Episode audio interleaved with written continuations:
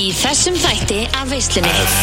Húkimenn, hann er kominn til okkar Hvernig byrjaði þetta fucking Atlantic City? Maturinn, matamenningin og ef þetta er ekki himmaríki þá vil ég ekki fara Þetta hangi kranadri kom á TikTok um Það daginn er raunverulega eina skiptið í öllu þessu ferli sem ég held að ég hafi verið að skýta í mig og hrætt. Get ég sagt í útvarpinu hvað gæjan var að gera á, þú veist, gæjan á gröfunni áður en við byrjum. Hann átti náttúrulega að ringja bara öllum rauðum bjöllum sem úr fjöllunum sko. Hæ, hvað var hann að gera? Ég segi það Ha? Hann var að sína okkur myndir af Veislan með Gústa B. Alla fymtudaga frá fjögur til sex.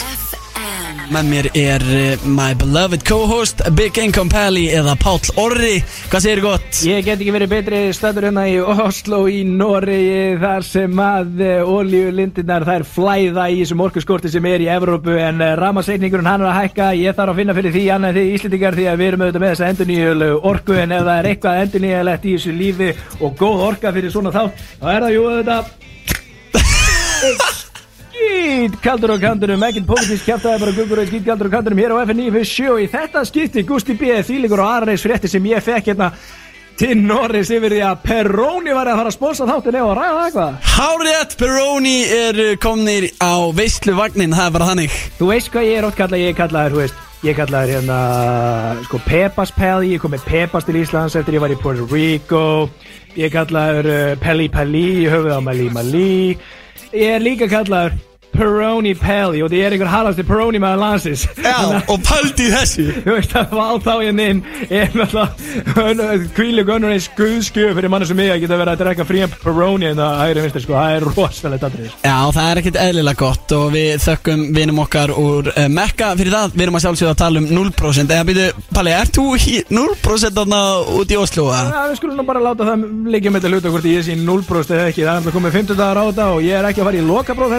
er alltaf komið 50 dagar á þetta og ég að að get fara að keira eins í mig það er ekki nema svona 10 dagar í næsta að ég fer ekki að læra fyrir nættur helgi því líka og svistla geta fengið sér nokkar verróni en yfir helgina og vera að jamma þess annað en þegar hérna síðasta veistlu þetta þegar ég var bara í einhverju böllandi böllandi stressi í 24 klukkustundar prófi sko. Já, hvað var það? Ég heyrði í þér náttúrulega í síman í hraðfréttaveislunni og þú varst bara á fullu, þú hafðir engan tíma til að spjalla Nei, ég hafði engan tíma til að spjalla sko. Við þurftum að gera þetta mjög fljótt Svona rafrétta stíl, hérna, stíl sem var helviti reynda bara konsert og sniðut, það er góð þáttur, ég var rannað með því, sko. en, en hérna, þá var ég í raun og veru bara, sko, þetta er prófið er opið frá nýju morgunin til nýju morgunin eftir og þú veist, það er nú gert ráð fyrir að fólk þú veist, leggji sig, sko, þú veist klárið að án að vera að sofa eða vakna snemma og klárið á þá en eh, við vorum ekki mikið að vinna með það, sko. þú veist, ef þú ert bara með opið próf fyrir mig í 24 tíma þá er ég í því frá því að opnar og þangum til að loka, sko. Já, já, mjög sniðut Já, við fyrum að reyna, reyna að standa okkur hérna út í þessum blessa sjórétti sem ég, ég þykist vera að taka hérna og ekki hvernig mér dætti í huga að fara í það en Ha? það er eitthvað annað en núna Sjórétti, að læra sjórétt?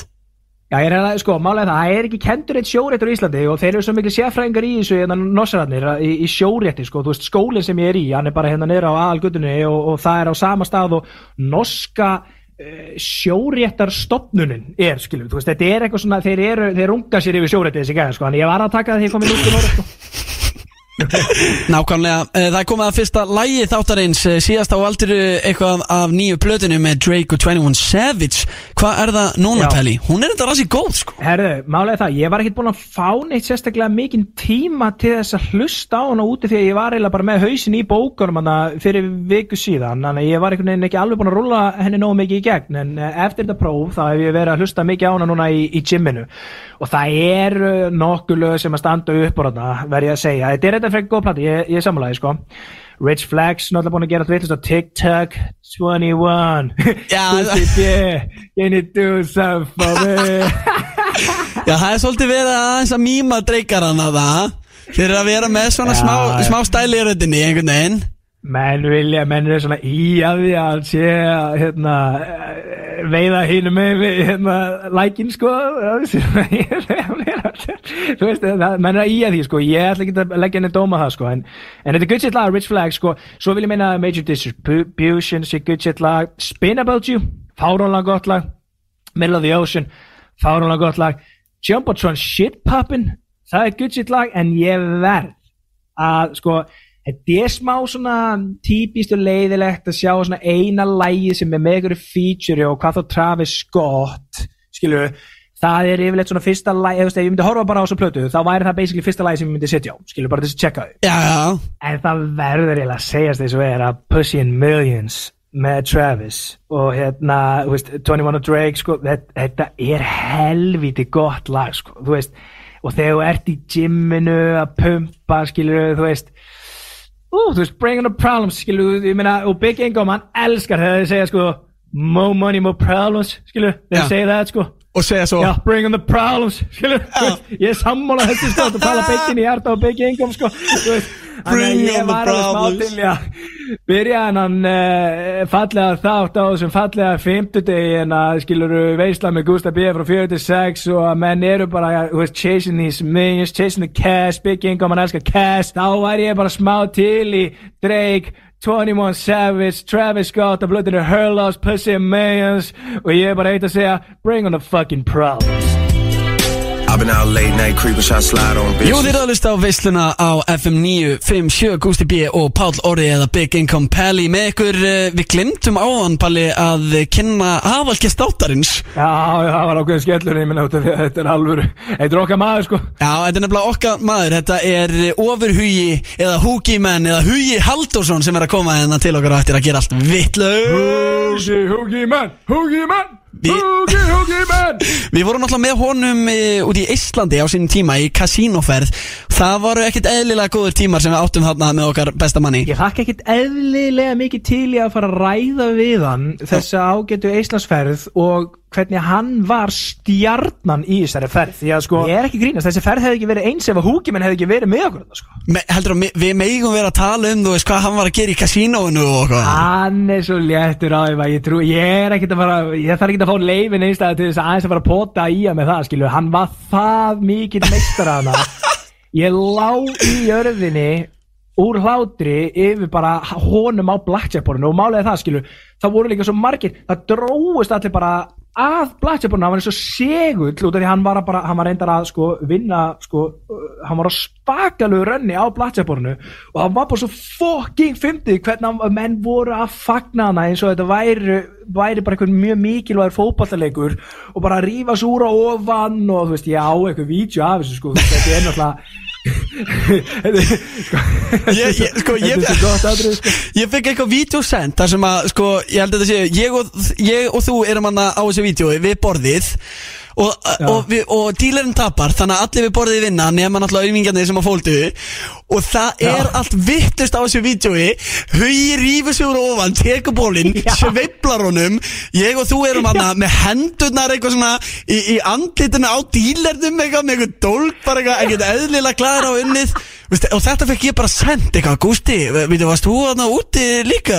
Var að sjá þetta vídeo? Þá var bara fólk að senda þetta á milli sko. Já, það er málega bara Já, okkar maður höfðinginn fróarinn var það líka sko. Já, já, hann var líka á borðinu ekkert eðlilega glæður og málega það sko, ég var ekki að spila á þessu borði. Þú varst að spila á þessu borði, þú og Húkimenn og Fróarinn og fleiri góður, meðan ég og Gilsen og fleiri vorum að það bara frá aftan með Beverage að bara horfa á þetta út af því að þetta var svo fucking gott atri og fögnuði svo mikið og menn voru að knúsast og hoppa og, og það var náttúrulega þessu mómenti sem að hann að svona tveggja metra gaur kemur hann bara á borðinu hínum við okkur, tekur eitthvað svona, svona raukt band svona slær það í bu- burtu svona lappar að ykkur bara svona mjög ákveð og er bara guys, this is not a fucking football match. Já, já, já, shit, það, það, það, hann var skammaður svo oft, sko. Ég var alltaf bara núna verður okkur hend út. Já, það var alltaf að vera skamman. Já, shit, það var maður. slagur í þessu, hann var alltaf bara eitthvað þú veist, já, já, já, ykkur að gera svo bara ég heldur dára sko, það er spurning, ég er að senda því hérna eitt screen record sem ég tók af einu vídeo sem að, hérna, ég fekk sendt frá þessu sko. Já, ætla, ég, það er spurning sko, ég, eh, hvort þessi fagnarleitin heyrist við myndum spila þetta bara í beinni þetta. já, erum við bara að henda í beinni fagnaðanlæti from Tallinn? Já, þú veist, bara hann að fólk átti sig á hvernig það var, getið sett sig inn í þessar aðstöður sko. Já, klála, við skulum uh, henda þessu í gang og uh, eins og við segjum þá er þetta þegar að það er búið að sprengja dílerinn og uh, við fáum hlutur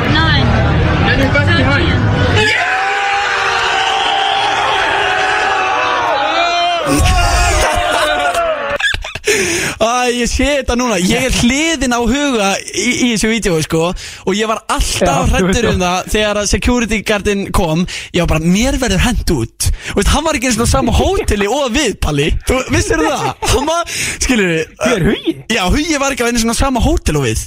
Ha? What? Hann var á, hóteli hinum megin við göttuna og, hérna, og ég var bara, það er verið að fara að henda honum út Það er verið að fara að henda mér út líka.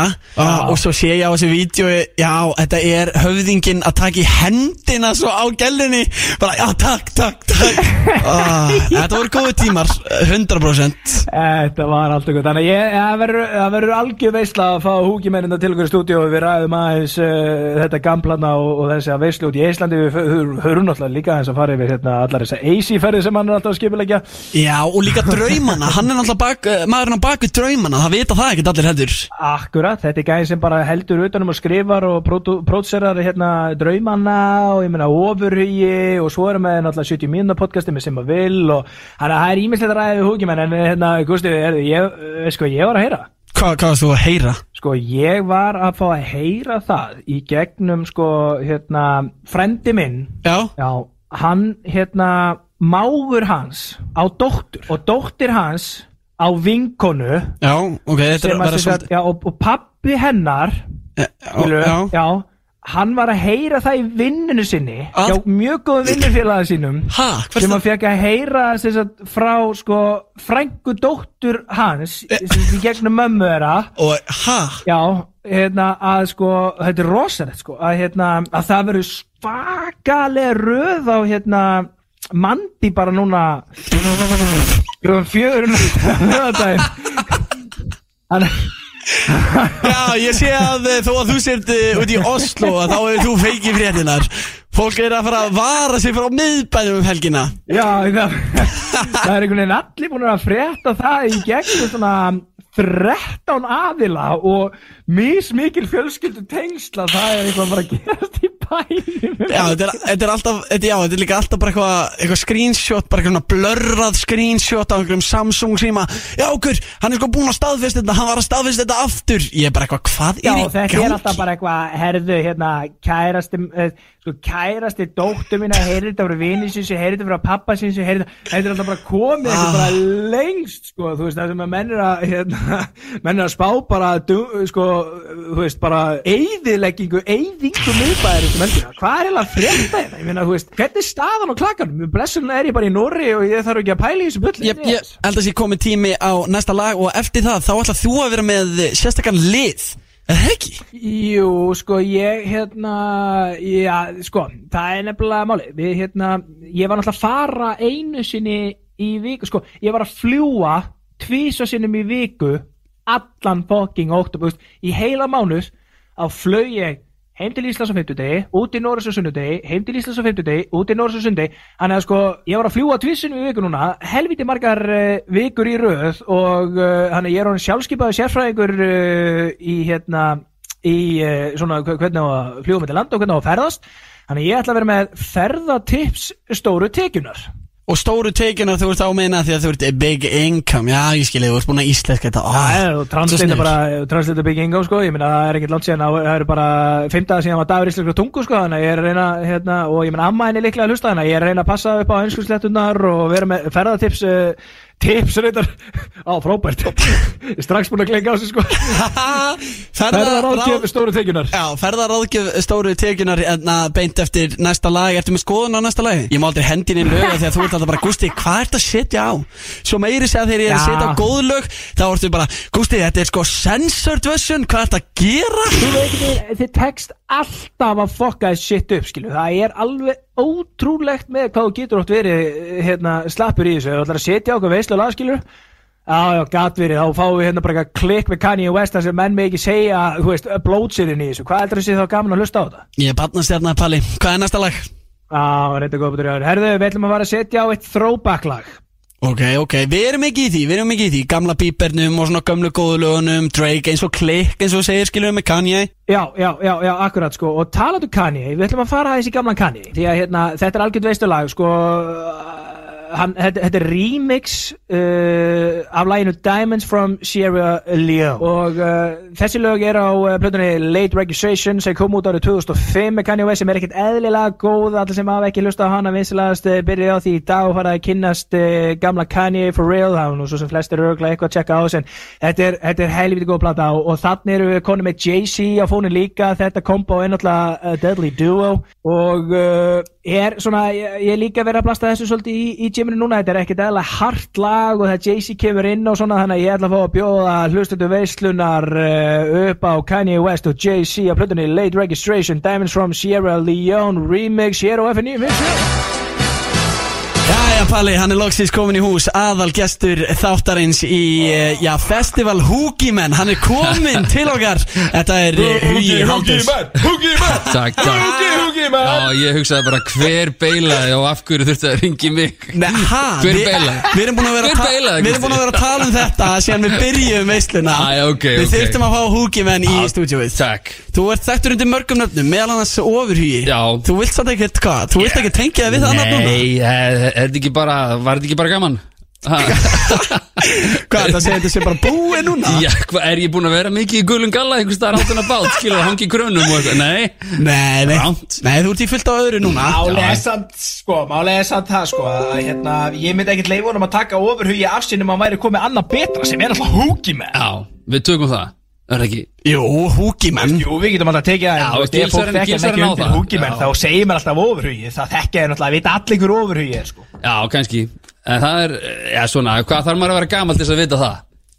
Hvað, hver þú ert, ofurhugi? Já, einmitt Þú veist, já, það vita þetta allir góður. Það veit þetta allir, Já, ok? og, með, og, og í kjölfar TikTok sem er alltaf að upplota gömlum klippum og alls konar Já, vitleysu, einmitt, já, Þú veist, já. þá kemur þetta líka svolítið aftur Ég sko, fann ofurhugi. fyrir þessu fyrir svona fjórum, fimm árum þá var stöðtökur einlega að rýrönna eitthvað stöf sko á 70 Já. og strákunum Já. og þá svona fóðum maður á fó, og batta völlin veist, eitthvað með krökkunum Já. þá svona horfður svona 6 og 7 ára komin börn á mig bara og ég bara svona, "Ó, er þetta komið aftur Já, já, Fuck. þú tengdi strax, þú Já, vissir ég hvað var hugsaði að bara, ég gerast. hugsaði bara okay, það potið verið endur sín þetta drasl ennina ferðina.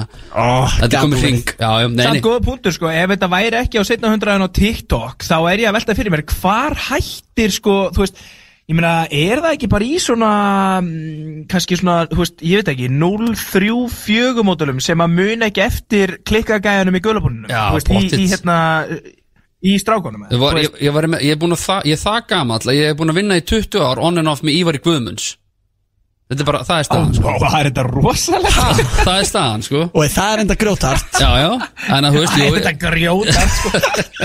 Það er alveg reynsla Það hljóma skilur, sem sem svo með í Ívar sem verkinu. 94 ára, sko En hann er það náttúrulega ekki en Þú veist, en, en, hann er samt svona ángrís 85 ára gæðin er búin að vera í út þó hann lítur út fyrir að vera yngri en þú Hugi. Já, já, já, já. þá lítur hann, þú veist, þá, þá hlýtur hann samt að geta verið afinn hann er búin að vinna það lengi í entertainment það er, hann er svolítið grandpa hérna ég, og hann er bara, hann er ennþá bara hann er fi, meira fitt en ég sko. Hana. Nei, ég held að með sko, jú, 2003, 2004 var maður þetta að þetta upp, hvort það væri ekki bara fljótlega 20 ára ammali, sko, Já, á 70 og þessu dóti. Ég held það, það stýttist í það. Ég, það þarf bara að ári, á, að kíkja á það, sko. Ári, hvað er þetta aftur eiginlega? Ég held þetta sé svona 2004 eitthvað, 5, kannski.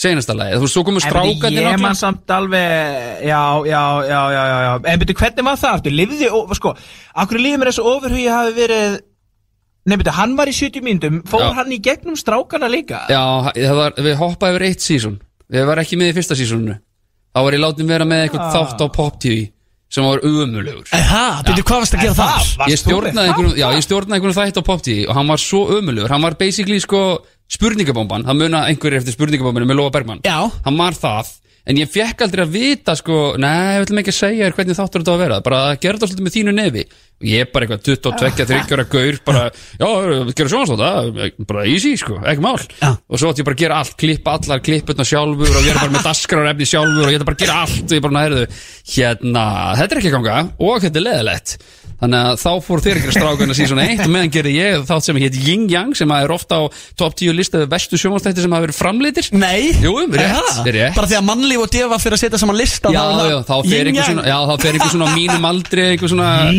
einhver, einhver, bladamann að rotta með yfir að skegga eitthvað, mm, með kaffibotla, mm, tíu lilu, veistu, hörðu það, nú er náttúrulega yin yang. ringi ekki hann með góa. Hvað er eitthvað, við væri einhverjum sem er meira leðilegu Þannig að þú veist, það er veist, Húki með hann, já. hvað var yin yang og um hvað snýrist það? Það var spurningabomban, basically. Það var, það Ó já, býtu, já, sérst, já þannig að það var þátturinn, skilur, Já, að hann hétt yin yin yang. Hann hétt Yin Yang, þetta var svona formatið var spurningabomban náttúrulega bara rip-off Þú veist, tvölið Ah. veist, Þetta er alltaf bara sama, einhver eitt sem hóstar tvölið og svo ertu með eitthvað svona sína klippur eitthvað, hörru, hvað gerist næst og hvað er eitthvað svona blá, blá og svo er einhver fyndinn og eitthvað svona Já, já. Það er skiljið Klassíska Ég meina, við erum með þetta kvi- basically, basically í dag, hérna, Björn quiz skilur. Já, það er svona pínu þannig En þú veist, þetta bara spurningabomba var meira svona sína klippur, eitthvað frétti vikunar, eitthvað svona, þetta var helluð vinna sko Þannig að ég, já, ég beilaði bara á þessu Við hættum bara með þetta, þetta var ræðilegt sko. Já, hvað, var þetta eitt sísan þá bara? Já, þú veist Náðu þetta því? Náðu þetta, þú veist, 8 Já, að 9 þáttum? þetta, þeir heldur þetta eitthvað Svo kom Super fyrir þá sem munið til Super sem voru á FM 957 Þeir, þeir tóku við þessu eitthvað og það átti eitthvað að reyna að hjarta hnóða þetta drast sko. Já, já. Svo náttúrulega bara hættu, hættu allir með þetta En svo Þetta er alveg þetta super með Já. setunni hann sem Já, að, sko, Svali og Gassi og lifa ekkert við Já, Já. Þannig að eitthvað svona Það lifir ekki sérstaklega góðu lífi dag fyrir utan einhvern einhvern störlaðan hérna símarhekk hérna Já, í- því var það- miður. voru það ekki þau sem hringdu hann í Bubba Mortis búbi, Nei, þau ringdi í Valdimar eða eitthvað og bara eitthvað velta fyrir sér hvernig æ, ég- nú ætlum ég ekki að fara að henda mér inn í þann leik sko, en þau voru Bara eitthvað passa þig Já, það er Já, já, stay woke hérna, Er ekki búin að sjá Twitter Elon Musk var að finna bólina hann Stay woke bólina Aha. Sáu það ekki? Nei. Er þið ekki á Twitter? Hvað er það? Já, ég, þú veist, ég, ég veit að hann var að kaupa Twitter, sko Já, Ég veit ok, að er allt í geggjað. rugglin á Twitter núna, eða ekki? Hann var að þetta fyrirtæki sko um höfustöðnar og svo finn, opnar hann einhvern svona skáp og þá bara svona 8000 bóli sem stóð á Stay woke Ha, það er ógeðslega Já, fyrir og, og svo var hann að trolla það sko eða fyrirværendi eigundur og starfsmenn og trollaði með því að gera sko stay at work Já, fyndi sko. Já, Hann er möskarinn, búin að möskarinn taka svakalega til hann þetta verður mjög áverð að sjá hvernig framtíð Twitter verður sko. Já, það er bara líka Twitter-vítum hans er helmingurinn fréttir um Musk og hvernig hann er að taka yfir Twitter og já. reyka allar starfsmenn og Það voru 8 ás manns að vinna Ég held að vinni 50 hjá hann í dag. Þannig að hann gæti verið að græða eitthvað á þessu. En ég kólaði þetta sko lélegasta díl ever. Það, það verður ekki úr þessu að kaupa Twitter. Já, á 44 hvað- hvað biljónir dollara. Fuck! Þú veist, þetta verður að 4,4 pening. það verður 40 44, já. Hann fær þetta aldrei tilbaka. Já, 44, já, já, já Ég kallaði það bara já, strax. Já, en, En um leið og ég kallaði það Þá reyndi hann að bakka út úr dílnum Eðlilega.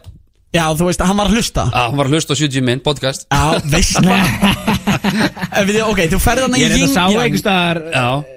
Þetta er ekki hlegi, svo kemur ekkit lag. Erum við bara að spjalla í 40 mínútur eða? Hvað er að gerast þetta?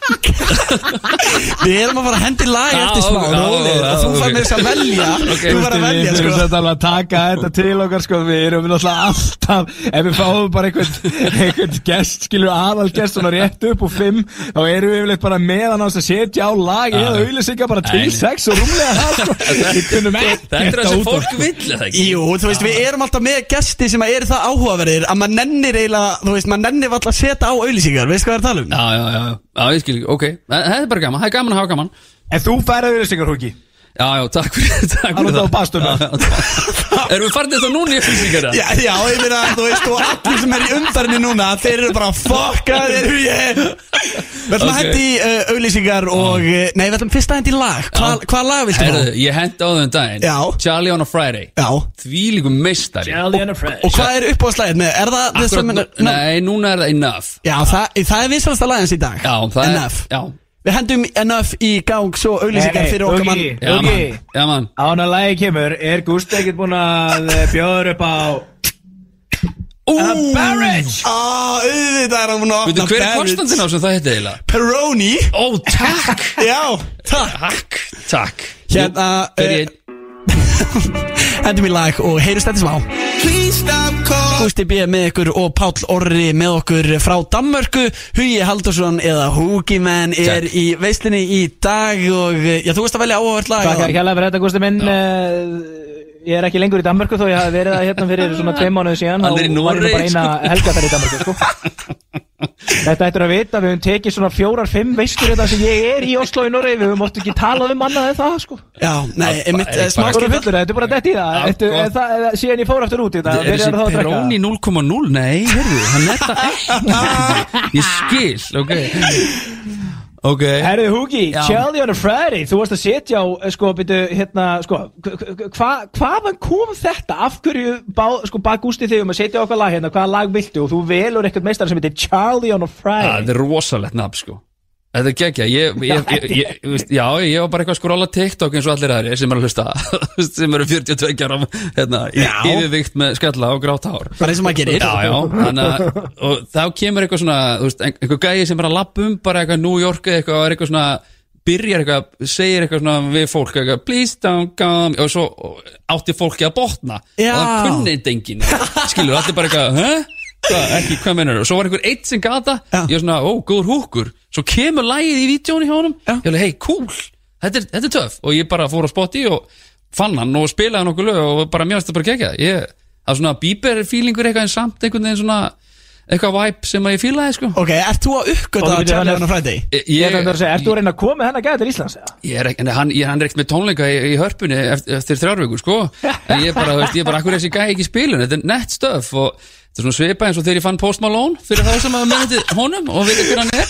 Já, þú varst eitthvað hérna off-air að reyna samt fyrir okkur á það að þú Já. hafi komið með Post Malone til Íslands Rétt. og þú hafi fattað upp á honum. Rétt, ég var í, í Florida 2013 og 14 eða eitthvað, ég maður ekki alveg. Og þá var svona, hann var hann up and coming og var að fá einhverja smá spilin og okkur að veist WJMBC eitthvað. Og ég eitthvað, heyrðu, þetta er nett. Já. kom heim og bara held að það væri bara að spila Post Malone og vissi ekki hvað Post Malone var. Já nei, bara enginn, þessi enginn hvað Post Malone. Bara, ha, vissi ekki Post Malone? Bara heitast að stöffið sem er up and coming eða, verið með á nótunum, verið ekki að vinna útvastu þá, byr, þá byrjar að spila Post Malone. Og já, það bara ennþá verið að spila Post Malone. Rest is history. Það er svona þannig, þannig að ég er að finna fólk. Já og svo er ný hljómsveit, íslensk, hljómsveit. Ég er að finna aðra íslenska hljómsveit sem heitir Krummafótur. Það, það þarf að detti í húsi okkur líka Og þið, ha, en Það- hvernig tónlist er nettir. það er svona, það er svona, smá svona, ég myndi segja að þetta væri svona nútíma sveitaballa, svona, Sáli, Nessi Sól, svona, þeir eru nettir Krummafótur, Já. þið þurfa að hlusta á Krummafótur Spotify. Já, ok, en byrju, er það eitthvað Þeir eru FM ekki á hætta? plötu hérna bara það er alveg FM mænt sko, já, já, ég myndi alveg segja það, hressir sko. Ógísla hressi gæði, bara svona títið út af sko. Já, ok. Vorum einhverju ógóðu tónleika eitthvað í einhverju, einhverjum sta- einhver stað, FG eða eitthvað? Já, fíla. Og nettir sko, mjög nettir. Ok, áhört. Já. Já, þetta heyra eins og talaði við Kájó síðast þegar þú fattar upp á Post Malone og þetta ringir eitthvað Já, já, já, það er ekkert að ringi ríka Það er Hafið prófað on að ringi ríka Hvernig gengur að ringi ríka? Já, það er þetta ekki Það gengur þetta helvið illa ringir eitthvað sko. Þetta er helvið góð búti Gústi þóru ekki að segja neitt annað annað yfir, maðurinn hans. Ég ringi að það segir hann yfirleitt bara hvað? Já, það er Það gaman á, Ríki frábær. Sko. Já, Rikki er frábær. En við vorum aðeins að fara Það er alltaf að grípa fyrir Gústa. Þetta Já, fjarsamband Gústi, þetta er Herðu, hérna, já, hérna ekki Ég ætla að spyrja Það er líka svo vond að vera með eitthvað með eins og mig hérna svona skilu einhverstaðar úti hérna í gegnum eitthvað svona fjar- fjárdæmi sko já. ég tek alltaf Gústi fær aldrei orðið þegar ég er með honum í hættinu sko. Þetta er alveg hrigalegt en niðurstaða að Gústi ég ætla að gera það greiða þetta er nú þinn þáttur einu sinni. Gústa, nei hérna veistlan með Gústa ég er á efinn við sjö, Gústi minn uh, að aðeins sem mitt áðan að eh, fara yfir svona Já, ferilinn, skilur við, þú varst að byrja einmitt þarna í 70 mínútu, þar ertu svolítið ofurhugi. Já, já. Svo ferðið með- og byrjaði hvað, með vesta þátt allra tíma, yin yang? Top 10 Top 10 vesta þátt allra tíma, ok. Eh, Hvað ferðu að- hvað ferðu að gera eftir það? Þú hann að skipar einu sísunni hjá strákunum Já. Kemur inn eftir það. Kem inn í tvö sísón á strákunum, sísón 2 og 3 Og hvað tekur þau svo fyrir Já, endur? svo er náttúrulega bara strákundi svolítið búnir og ég færði mig alltaf meira og meira svona hægt og rólega bak við myndavölin ef og svo mætti orðið komast. Ég var bara svona að framlega stöð, fringja og, og eitthvað að vesinast svona og hafði bara alltaf gaman að því. Og, og hérna, við förum að gera um tekin fyrir þá sem að munið til því. Varst þú að framlega það? Já, kallið minn, ég framlega til tekin með Ha, það er- er legendary. Tvö, tvö, tvö sísón af því og, og þá svona, þú veist uh, fæ, síðan eftir það, þá fæ ég bara vinnu hjá Sagafilm sem framleiðandi eitthvað í auðlýsingadildinu og svo er einhvern veginn búin að orðin eitthvað með hana bara á bakinu og erlendu dildina líka einhvern veginn og nóg að gera því. Þannig ég fer bara í, út í eigin business og er bara með framleiðslu fyrirtæki í sjö ár og slaufa því hérna eitthvað 2016 eða eitthvað og þá fyrir að vinna hérna í þessu húsi. Var með fyrstu, ég var sölustjóri hjá Vodafone og var ráðan, já, var ráðan sölustjóri hjá Vodafone og var, var með fyrstu dildinu hérna inn í þessu húsi. Var fyrsti maðurinn sem labbaði hérna inn Ha? með starfsfólk, yes sir. Ok, það er huge. Á Söðlandsbyrð á það og þar var með söldeild og ég er að gera það í tvö ár svo fyrir að gera bara eitthvað my thing, eitthvað áfram eitthvað og fyrir, úst, bara, bara með svona markas ráðgjöf markas og sölurákjöfum kipun og kveppin fyrir alls konar fyrirtæki held alltaf áfram að framlega einn og eitt þátt svona með, bara dúlir í og já, og núna er ég bara markaðstjóri Ísorku sem selur uh, hlæðslu lausnir, allhlega hlæðslu lausnir fyrir fjölbili og einstaklinga og þannig að maður, maður er alltaf Já, ég er meina alltaf að þú hugsa ert ekki alveg út úr því entertainment biz, ég meina þú ert ennþá, sko, nú ertu komin einhvern veginn meira svona corporate, þú ert bara komin já. út í atunlífi það sem að fetulegt minna fyrir þér, en þú heldur samt ennþá í þetta, eh, hérna, 70 minna podcast með uh, King Sim Will, Money Sim, góð vinnið þáttarins. Rétt, Moni sem uh, við erum alltaf hana, eitthvað á 50 kvöldum cirka, þú ert að taka upp í gær uh, út af einhverju, man ekki. Og þannig að jú, við erum alltaf með þetta podcast Top 10 podcast, Boom! Takk fyrir að hlusta Svona á að Já, gera þetta top 10 það? Já, kallið minn. Við erum með fullt af ok, þetta er sponsorum þetta, ég Þetta er kannski ekki alveg það er markkópurinn hérna- ykkar sko, þið, þú veist, ég veit ekki alveg það- En það er bara eins og það, skilur, við. Erum með markkóp og það meina það dugar. e- eldri hlustendahópu veislunar, hann gæti alveg dottið inn eins og eins og hérna, ég hef alveg dottið inn á þetta hjá okkur, þú Já, veist, já. og það er svo fyndið stundum að hlusta okkur, og ég er svona, þú veist, ég hef, ég hef haft mikið áhuga á pólitík og stjórnbólum bara alveg frá því að ég var lítill, sko, hérna, um, og fylgist vel með því að stundum svona hef ég verið að, þegar þið er eitthvað, eins og þið tóku landsfundin, hérna, stemi og hvað voru eitthvað þess að ræða, ræða eitthvað svoleiði sko, en, en það er samt fyndið að hlusta ykkur því að þið eru þessi svona típisku miðaldra kallar Rétt. út í bæ sem eru bara svona rétt ég er svona, þeir eru svona meðalgreindir menn Já, mögulega já. eitthvað rétt rúmlega bara sem eru út í aðdunlífinu að babla um það sem er að gerast. Já, einmitt. Það er eitthvað svolítið og það er, þú veist, fyrir ekki áhverð þið eru eitthvað svona að, að hérna spekla sko, Já, já, já, þetta er bara gaman. Ah. Já, Er og, það? nei, ætla að segja, hver er svona markkópurinn samt, hva, þú veist, sjáu þið það, þú veist, hva, Já, hvað er já, við aldurinn? að aldurinn er svona Þetta byrjar að teika svona um 25 ára skiluru og Já. upp í 45 það er svona, ég myndi að segja að svona 60% af þeim sem hlusta er á þeim aldri 25 til svona Já, þetta er svona fólk á besta aldri Já, þetta er fólk með cash Þetta er fólk með cash Já, þess vegna erum við með svona mikið af sponsorum og það fólk bara, ég segi ekki býður í röð en þú veist, það er ekki, ekki flókið að segja spons í þetta. Nei, mjög gott, mjög gott og það er gott þegar það gengur vel. Herru, herru Gusti, við erum reyndar að spyrja Húki að einu út af því að hérna við, hérna, rétt eftir að við fengum manni sem ég veisluna til okkar að nelda sér í hérna kæristu Já, það er rétt Hefur, uh, getur Húki sagt okkur eitthvað, ég meina, varst þú mann á baku tjöldin, uh, þú veist, ég meina, svo, ég man, ég var akkurat að hlusta á okkur þegar þið voru uppljóstra, hérna, frá því að fórum við alla fjölmjöla þegar að komið ljósa að hann væri komið þessi kæristu. Hvaða kon er þetta eiginlega? Jú, Júli Kristinsen, hann er hættu með henni. Ég veit ekki hvort þú varst að lesa allir fréttir. Já, hann var að hætta með henni, eða þau hættu saman. Já, Nei. jú, jú, ákvörun Ertu eitthvað. kóla búlsitt á það en allt í lagi þú getur bara eða, þú veist, ég meina, jú, jú ég meina, come on, þú veist, hún býr í Danmörku þú veist, það er verðbólga. Þú varst og þið skeptískur á það. Það er verðbólga. Ég, ég vildi ekki ég vildi ekki vera, veist, leðilegur veist, jú, ég, ég vel stundu hvernig er ég leðilegur, veist, að, en ég vildi ekki vera leðilegur við Simma hann, hann var gaman hjá honum eitthvað, hún er náttúrulega skutla þetta er skvís, skilur þetta er svona stereotypi skvís Já, þú veist, Ah, en ég veit ekki er hvort hún er skemmt. já, já, ég veit ekki hvort hún sé skemmtil ég hitt hann aldrei, hún kom bara eftir tvisar til landsins og hún bara skoða Gullfoss og Geysi og miðun og Simma og svo bara svo, svo bara var hún farin, skilur ég er bara að taka fyrir bóðið sem ekkert mál um, síðan, þú veist, er þetta bara þannig? Hún er bara með ung börn, sem er með þrjú börn og mínigarðinn og vesen, skilur, hægri vinstri og bara hvernig ætlar að láta þetta virka, bara verður smá reasonable, sko, hugsa þetta bara. Þetta er ekkert að fara að virka. Já, hún En ætla hann- ekki að koma á klakkan. Hún er ekkert að flytja með krakkan skilu, þau eru með einhver skuldbýtingar í einhverju skóla og pappa og vesin út Danmörk og sama með Simma skilu, hann er bara með skuldbýtingar og veist, þetta er ekki, sorry, þetta er ekkert að virka. Ef hún hefði verið á Akureyri fæn og þú getur græja það. Já, en nú ertu út í Danmörk einhvern veginn og svo, já, ég ætla ekki að fara shit, ég var næstu búin að segja mikið en allt í lagi. En þú veist, þetta, ok en, þú veist, þau bara, þú veist, hljóta bara að hafa skilið það, þetta hefði verið eini, eini, eini kosturinn í stöðinni veist, En heldur það að við hyggja fatta það svona áður en þið byrjuðu saman eða? Nei, en þú hugsaður þetta bara fyrst náttúrulega bara, hei, þetta er gaman, úhú, veist, bara, veist, money sin, ég er með money sin bara skoða gullfoss og geysi. Ég meina, hver vil ekki skoða gullfoss og geysi með money sin? Það er svo ángrís Það er bara, hlýtur bara fólk að vera í röð. Þannig að ég er svona, bara, já, þú veist, eh, þetta var samt bara, já, já, þú veist, einmitt, svo erum Dani náttúrulega, þú veist, ég meina, to speak English. Er bara, Danir eru leðilegir en, en hún er, hún er Þú uh, hata, uh, þú að hata Dani Ég hata ekki bara þetta Jú, Það er hata einn Dani. Dani, það er ekki einn Dani lígeglað Það er bara hver fann upp á því að kalla Dani lígeglað Djú, lítur hann að vera leiðilug sem fann upp á því. Bara Danir eru ekki lígeglað Það er bara kjaftaði Það er ekki engan því? Dana. Ég þekki engan skemmtilegan Dana, þekki skemmtilegan Dana Nei, það er ekki út í það farið. Við erum bara í því. hróka gikir, sérstaklega gagvart okkur. Við erum bara einhver, einhver drastlút í ballarhafi fyrir þeim sko. Þeir eru voða töff. Æ, veit það ekki Ég held að þetta bara að fá lag sko. Já.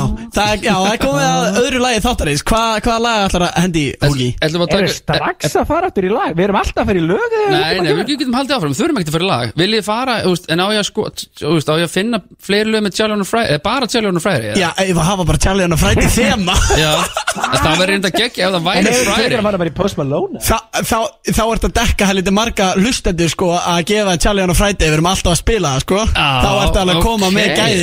það sko. Á klagan sko Yes, ok eða þú veist fyrir bara eftir í hversu mikið þú vilt eh, plugga honum. Nei, ég bara, ég fæði ekkert upp á því sko ekki sko. bara, heiðurinn að geta sagt ég fatt upp á honum þegar hann er orðin jafn stór og passna Já, já. lón núna Ég meina, þú veist, náttúrulega góttúrlagi væri þá After Hours en ég meina, það er, þú veist, ég, er það útvarsvænt Já, já, það er alltaf lagi, ekki. Það er, Hvað? Það er hérna After Hours. Það er hérna lagi fyrir neðan hana Já, er það ekki alveg útvarsvænt? Jú, ég Er, er, hann- er hann eitthvað dónakat í þessu lagi? Nei, nei, nei, nei, nei, nei, guð Charlie on a Friday, bara ungu strákur. Já, hættum við það? Byttu, byttu, nei, nei, byttu, byttu, þetta er rétt ánum fyrir mitt lag. Það er Já. eitt sem við náðum, við, já, það er eitt sem eh, við náðum ekki alveg með huga hérna sem að ég var að fatta akkur núna út af Því að hann, skautaði svo yfir þetta, hérna, þetta, þetta kæristu dæmi með Simma Mm. Eitt að lokum, ég veit ekki hvort það með ég uppljóstraði En það er allir að pæli því. Hvar fann hann þessa skuttlu samt eða? uh, Já, ég held að hann honum hafi tekist að ljúga því í einhverju viðtali Ég er ekki alveg, sko Ah. Ha? Ég, Þannig að þú veist sannleikan ég veit sannleika En vilt ekki segja hlustandi veistum það? Nei, ég verð að heyri simma fyrst Ok, en var þetta Tinder? Smitten Smitten Það er vindurinn í stúdíun, heyrum það Ég er að reyna að segja þetta Það er bara einhver, það eru 20 metrar á sekundin innu Það heyrist ekkert sem ég segi ah, já, já. Ok, ég held að við vitum svarið svona cirka. Það getur ekki sko Já, mjög gott, hendum í Charlie on a Friday After Hours hér á FM Jú, þeir eru hlust á FM 957 Veisla með Gústa B með ykkur hérna til sex í dag. Bygging og Peli með ykkur hérna frá uh, Oslo í Noregi þar sem er örlítið byrjað að snjóa þó að veðri sé alveg gríðalega fallet með okkur í stúdíónu eða með Gústa B uh, réttar að sagt í stúdíónu er engin annar en Hugi Mann Setið þið svona effekt eftir á eða ekki? Eftir á kameru, þetta er beinni? Já, en þú veist, kemur ekki Þú, að gerðir ekki neitt. Nei, já, ég er ekki komið með það Ég var eftir að byrja Rikkum að greiða Já, einmitt, gangi ég vel með það Gáði ég vel að heyri þú já, talaði já. um þetta áður. Erðu Hugi, ég er að pæla í einu sko Já. Ég man ekki eftir að hafa heyrt það þar Ég veit ekki hvort þú hefur ég hef sagt það En ég er svona aðeins að Mm. velta því fyrir mér Ég, sko, hvernig byrjar þú upphaflega í the entertainment business? Ég meina, ofurhugi er svona þitt fyrsta dæmi Hvar og hvernig uh, byrjar það? Já, sko, ég er, þú kannski tengir eitthvað smá Ég er í lögfræðinni, 2000, minni mig Frekar en 2001 Nú, Já, ok. já, tek almennina Bíddu, ertu lögfræðingur, eða? Nei, ég, ég hætti út á svollu ég, ég- skal koma að því akkur það gerðist Ég er í lögfræðinni Ok. Og er að taka almennuna sem að ég veit ekki Er, er ennþá almennan? Tekur maður ennþá almenn? Já, það er ennþá almenna í HÍ En þetta heitir, hérna Þetta heitir aðfyrafræði HR og þetta er svona síam sko. Já, já, ok, öllum sama. Uh, það, Og þar er ég bara að horfa á 70 mínútur og læri bara til 10 og, og, og, og allir og horfa svo bara 70 mínútur og ég náttúrulega þekki ötta Já, auðun blöndal. Já, að króknum. Að króknum.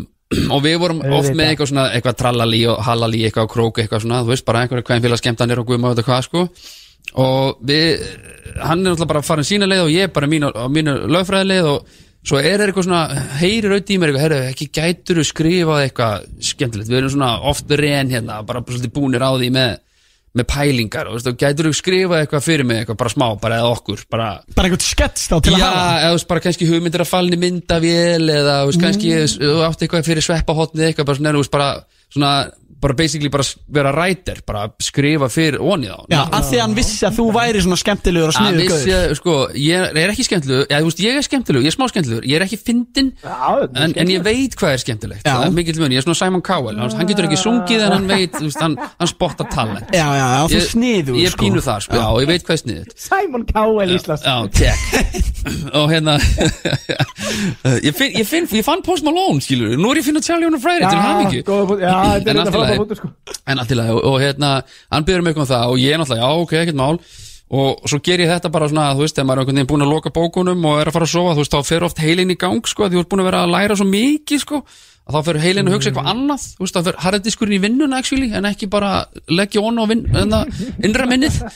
Og, og ég svona, ok, og skrifa eitthvað og, og svo bara, erum við ekki hittast, jú, flott og ég man það, fyrsti mass, ég man ekki hvað ár sennilega 2003, frekar Glæsibæ sem er ennþá bara til, held ég, hérna neða mjóttinni, þannig að við tókum upp falda myndalar oft út um já, og gömlu já, það lifir ennþá í minningunni einhverjum. Og, og ég kem hann og ég kem bara, þú veist, auðvitað eitthvað, að þessi lið, þetta er með eitthvað, já, og svo kem ég bara já, ok. Þú veit, bara með dóðrand og þá var ég bara búin að skrifa nokkra blaðsjur á drastli og þau er bara, Já.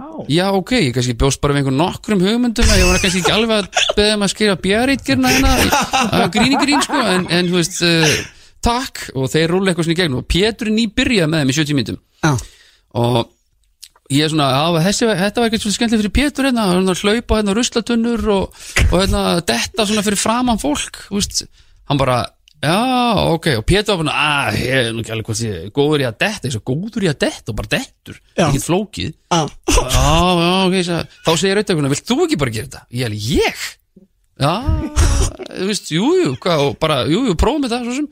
Og ég fer eitthvað þarna og hleypa einhver ruslatunnur og dett hún fram á fólk og fólk verður eitthvað að hjálpa mér þetta, þetta er voða fyndið.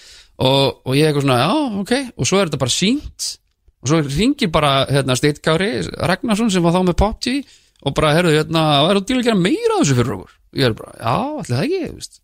Og ég bara ennþá í lögfræðinni og bara, og svona svo bara er svepp að fara í feim að söngleikin já. Og það bara, svona, eru okkur vanda mann í sumar? Ég bara, já veist, jú, jú. Og þá síðan kemur bara, þú veist, fyrir bara skíturinn í viftuna og ég er bara farin að vinna á pop-tv og, og þá hugsa ég alltaf bara lögfræðin, já, hún er svo sem búin að vera hérna í 100 ára, alltaf hún verði ekki hérna ennþá eftir 100 ára, þannig ég get alltaf bakkað í lögfræðina ef þetta gengur ekki upp þetta sumarið, sko. Já, góð punktur, góð þannig ég bara punktur. svona, já, jú, ég er bara líp og feið maður, tökum þetta bara, prófum þetta. Og, og veist, ég fætt það bara aftur í lögfræðinu, þetta er ekki skemmtilegt. Og síðan bara, já það er svona fyrstu skreifin, svo fyrir fyrir að gera fullt öðrum fullt myndan og svo ákveðum við einhvern veginn í, í 70 myndum á einhverjum tíðanbúndi að því að ég skýrði mig óvart víst, eh, segir auði ofurhugi í símarskrafni hjá honum. Þegar ég hringdi hann þá kom upp ofurhugi og ég bara, já, getur ekki eitthvað unni með það? Jú, öruglega, hvernig væri það svona, væri gæi sem væri að gera eitthvað sem að lítur út fyrir að vera hættulegt en er það ekki? Já, já, já, jú, prófum það erum þetta í bíó og það fór upp í vatnaskó tókum upp eina senu þar sem ég átti að fara í kassabíl út í hann að kalda vatni sem ég van aldrei hvað heitir í vatnaskói einhverjir, einhverjir, einhverjir kristilegi skátar alveg bara, það heitir hérna jökulvatn. Já, ok. Og já, ég man aldrei hvað heitir. Og ég átti að fara í kassabílum og ég svona langt muni ég, ekki, þegar við komumst upp með að vera að kynna inn dasgrálið í eina og halva mínútu bara í ganlega þetta, það var allir bara löngu búin að slökka sko. Það þarf að gerast bara það svona í dag.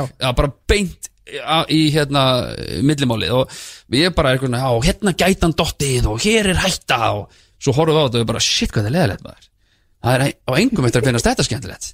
Þannig að við þurfum bara að gera eitthvað sem er bara alvörunni hættulegt. Ég er bara, að, ok, já, sem er náttúrulega bara áskorun, búið rýbranda áskorun. Þannig að eitthvað sem þeir vildi ekki gera ekki. rýbrönduðu þeir bara sem ofurhugi og ég átti bara að gera það, ég meina tegja í rass á bílavestæði, hanga í krana þú veist, þetta er bara áskorun þetta er Nei, ekkert byrju, ofurhugi. hanga í krana sko, Þú vorst að tala um að þetta, þið var að fara að gera eitthvað sem að lítur út Já. gera þetta hérna hættulegt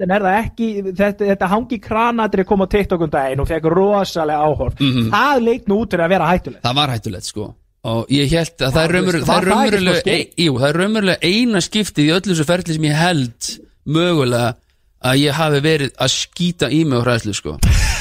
Vist, það, er, það var ekkit eh, við tókum upp eitt annað atrið og svo lagði ég gallan á hilluna sko. ég bara, það, Já, ég bara, þetta er bara fínt. Að það var bara, já, get, get ég sagt í útvarpinu hvað gæin var að gera á, gæin á gröfinu áður við byrjum, hann átti náttúrulega að ringja bara öllum rauðum bjöllum sem úr fjöllunum sko Byrju, ha, hvað var hann að gera? Ég segði það Ha? hann var að sína okkur myndir af, ég þetta má segja píkur, eða ekki? Jú, jú hann var að sína okkur myndir af píkum bara í síman og fletti bara þessu, þessu, þessu heldur lott hérna þetta, þetta bara og við vorum bara, já, hann bara var ústu, þetta var bara gamli Sony Ericsson bara sí, svona sími sem var bara með, sko, pixlarnir voru svona fjórir og þú sást ekkit hvað þetta var í gömlu símunu, sko? Hann bara, já, þessi lat og þetta var bara einhver, hann tók það bara, hjælt fram hjá konu sinni og tók myndir af píkum og hjælt að okkur þætti það bara eitt kúl við bara, uh, já, já, hörðu, ef ekki bara taka þetta aðrið upp og bara drulla okkur hérna Rétt á hann og varst nær dauða í lífi að Hákandi að einhver- einhverja tíu metrum í loftið og varst að- hann sínar einhverja pixlaða píkur. Já, ég er bara svona, herðu og þú veist, í dag, bara ef einhver sýnir eitthvað píkur og ætlar svo að gera eitthvað lífshættulegt með ykkur eftir á, bara ekki gera það, sko það bara, það ringir öllum rauðum bjöllum og fjöllum, sko, það ég bara, herðu Þannig að allavega, ég get sagt það eitt í dag held ég og ég, ég, man aldrei, ég veit ekkert hvað sem maður heitir og myndi ekki þekki hann út í búð sko en þetta, við tókum þetta upp í þorlásöfni ef einhver ringi bjöllum hann í þorlásöfni Það er verið að halda Þú fram veist hjá ekki þér að Í Þorlákshöfn, já. Símdal fræðilega vignin sinni bara strax eftir helgi sko Nei, nei. Það Þannig allt í hlust að síðan tók upp eitthvað eitt þarna og eitthvað grafið lifandi og ég bara, herra, þetta er bara gott. Þá var bara sami gæi á einhverju gröfu og tók bara svona skóplu og ég fann bara, fyrst grófan svona hólu bara svona eins og það væri að vera að jarða mig. Svo fór ég á hann í hóluna og hann tók bara svona skóplu af sandi og bara og því ég fann bara svona hvernig sandurinn barðist hún ón á líkamann á mér. Ég fann hvað það var þungt og ég gati ekki hreift mig. Þannig að áður en hann setti yfir andlitið þá bara stóð ég upp og labbaði burt þetta er búið, ég er farin, ég er hættur. Já. Og ég var og bara hafa aldrei neitt tekið upp eftir það. Sæll. Þetta er reyndar alveg magna Já, andrið maður er djöðlega gaman að heyra svona guttsitt bransasögur á ofurhuga. Já, já, það er eru nokkrar. Ég, ég gæti skrifa bók en ég gerir strákunum það ekki Ha, Nei, nei, nei, Nei, nei. Þú ert með, þú ert, er þú með hlaðvarpi svona til að geta tjáða sögunar og svona. Nei, ég, ég nei, nei, Ha, er það of grófar? nei, nei, þetta er bara svona bensku brek skilur sem allir fara í gegn og það bara skrítið að heyra þegar einhver celebrities gera það sko. Já. en það er ekkit, ég er ekki með neitt á þá eða svoleiðis Nei, nei, þú ert ekki að geima Þetta er alveg krassandi sögur sem voru að gerast í fríka úti en fólk getur svo sem alveg bara gefið sér það. Já, klála Þannig, Já, já Þannig að þetta var svona sagan af ofurhuga. Uh, Við Pínu. þurfum aðeins að fara yfir draumana líka. Já, Því að ok. það er kannski ekki allir sem að vita það að uh, þú ert producer eða? Já, það er svo fyndið sko Gústur að segja eitthvað og Palli bara heyrist það ekki Já, gott að segja að ég er alltaf að taka fram í fyrir Gústi Sorry Gústi minn, kláraði spurninguna Já, það, er kannski ekki, alltaf sko er allir eh, sem vita sem er að hlusta að eh, þú ert á baku þess að drauma þú ert að framlega þetta Já, ég hef gert það hinga til allavega og hvernig byrjaði það? Hvernig kviknar hugmyndin að því að senda þessa vittisika til útlanda að gera áskoranir uh, og í rauninni bögga ókunnit fólk Í þessum þætti. Uh, fríkað úti að fórum og gerum bara falda mynda bara á strikinu, Burger King og hotninu þar og skilur það allt saman. Þannig að í rauninni það sem við gerðum var bara við svona stækkum það koncept. Strákandir höfðu farið þarna ringin í kringu landi í einhver svona hálfpartin Amazing Race sem var svona, úst, ég, ég horfði á Amazing Race og svo bjóði þetta dagskurlega sem hétt Litla Kapplöpið Já, einmitt, maður manna til því. þar sem þið voru að sapna Já, nærbuksum eitthvað svona kjafta eitthvað, já, já, og vera undan eitthvað annað eitthvað svona, og þetta er svona smá bara olbóabann af litla kapplöpunni og þessum þætti sem þeir gerur hringin þá fenguðu stig fyrir að taka mynd af sér sko naktir fyrir utan kirkju sem dæmi, og þetta voru þá Egil Lauti og svo Sveppi og Villi í, í hérna, sem að náttúrulega verið þá tengist sveppamyndunum á, á þeim tíma. Og við svona einhvern veginn settumst bara aðeins niður og bara, herri, hvernig getum við spinnað einhvern veginn? Og ég hugsaði, ok, hvað gerum bara ameríska drauminn, bara förum bara til Ameríku og gerum einhvern veginn þetta áskoranir fyrir stig og bla, blöndum við svolítið saman, gerum bara ameríska drauminn. Já, ok, cool, seljum það. Förum og gerum ameríska drauminn, svo gerum við náttúrulega bara framhaldið því, evróska drauminn. Svo er náttúrulega, þú veist gerist svolítið sem að, þú veist, ekki, ekkit alltaf gaman að tala um en þú þurftum að skipta agli út og, og, hérna, og svo að skiptum við villa út og þannig að í núverandi mynd er Daut og Steindi og, og Pétur og, Sveppi já, og það er rauninni, þú veist bara flott, skilur, búið að vera fín formúla, en svo náttúrulega búið að vera COVID og eitthvað svona, við höfum ekkert komist í að gera neitt meira eftir hvað gerum við síðast, fokk. Uh, Suður ameríska draumin, það ekki, endur, er það ekki síðasta nýjasta sísunni, jú, það er nýjasta. Það er eitthvað tekið upp bara 2018 eða eitthvað, eða 2017 jáfnvel Já. ég, Svo held man ég það. líka, sko, þeir voru eitthvað að tala um það núna í hvort það hafi ekki verið í blökastuna eitthvað að það er alveg í skoðun að hérna, hendi hann draum eða það hefur svona alveg verið á teikniborinu Já, það hefur, hefur verið á tekniborinu þú veist, þetta er alveg pínu mál að koma öllu þessum fólki saman og, og ég er alveg í fjóra mánuða pródúsir þetta sko áður við leggjum að stað. Þannig ég þarf að fá heads up þá ef að stöðu ætlar að keira á meira Já, að þá þarf að, þú veist, hugmyndin var eitthvað núna í janúar, það er off sko.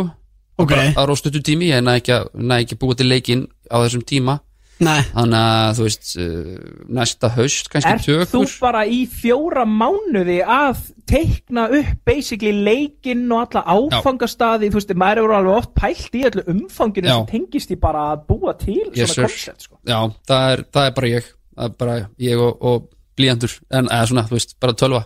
Þú veist, ég bara teknu upp og, og, og svo náttúrulega eh, fáum við bara svona, auðvitað er þetta samilegt hérna að fá hugmyndir af stigareglum en, en svona oft er ég að skoða svona menningu þeirra þjóða sem við verum að veist, heimsækja og sjá hvað, hvernig ég geti tengt það veist, og áskorurnar svo svona koma kannski að mestu frá mér uh, og sömulegis kannski stíin, ég og steindi kannski, veist já, ég vona, vona að halla ekki á neitt til að segja að við kannski gerum mest en, en það er þá kannski bara eitthvað aðeins meir en hinnir já, en þú veist, þetta er svona en svo- svona það sem að Svepp og Pétur og, Ötti koma með er auðvitað er auðvitað hérna mjög gott notum ekki örgulega flesta því. Svo er þetta bara, veist, samminna þú veist, menn bara, veist, ég ætla ekki að eigna mér þetta ekki í, í eina sekundu, sko. Nei, en, nei. ég ger þetta bara, við gerum þetta allir saman klála. En, en ég kannski á svolítið svona heiður hana í hvernig, þú veist, hvernig ferðalagið er, þú veist, svo þarf ég náttúrulega að ráða fólk á, ló, á lokalinn skiluru, þú veist, við þurfum tólk, við þurfum, stundu þurfum við örgiskætlum til Kólumbíu, þú veist, við þurfum veist, það þarf að finna út úr því, skilur þarf að sækjum atvinnuleg, en að vísa til þess að komast inn í landi, þú veist það er alls konar svona dót, sko Já, sem að, þú veist, þú þarft að pæli þú veist, að því að þú, þú veist, ef þú ferði í interrail margir kannski tengja það, að þá er þetta smá og þú þarf bólusetningar, þú veist, þetta vera búin að sprauta yfir liðurabólgu sé og, og taka malaríu pillur átt að þetta Afríku og allt þetta, sko, þú þarft að pæli þessu öllu, sko nákvæmlega Og þú ert með þeim líka alltaf þannig úti Já, ég- Með, með jú. hvort liðin ertu? Ég er að, hef hingað til alltaf verið með þess að auðta megin Já, auðvitað megin. Já, auðta og stinda Já. og, og hérna og kom upp svo hugmynd bara núna er raunin að bara splitta þessu, erum ekki að taka þetta upp á sama tíma, þannig að þegar taka þetta basically bara þegar að henda því hvoru pari fyrir sig, sko Skilurðu? Já, að hafa það ekki útlöndum Já. á sama tíma En það hefur vennilega verið hann Já, og láta það bara lít út fyrir eins og þau séu á sama tíma sem er ekkit máli, þetta er sjómarp, sko já, já, já. en, en hérna, og það, þú veist, það sk- skadar engan, gerum þetta í sikur lagi, sko. Veist, Nei, nei, nei, mitt hitt gæti svo sem alveg verið tekið upp á sirkunum tíma. Þetta til dæmis gæti ekki verið live, fólk veit það ekki. Já, já, það er ekki hugmyndið það, en Já, þetta er live.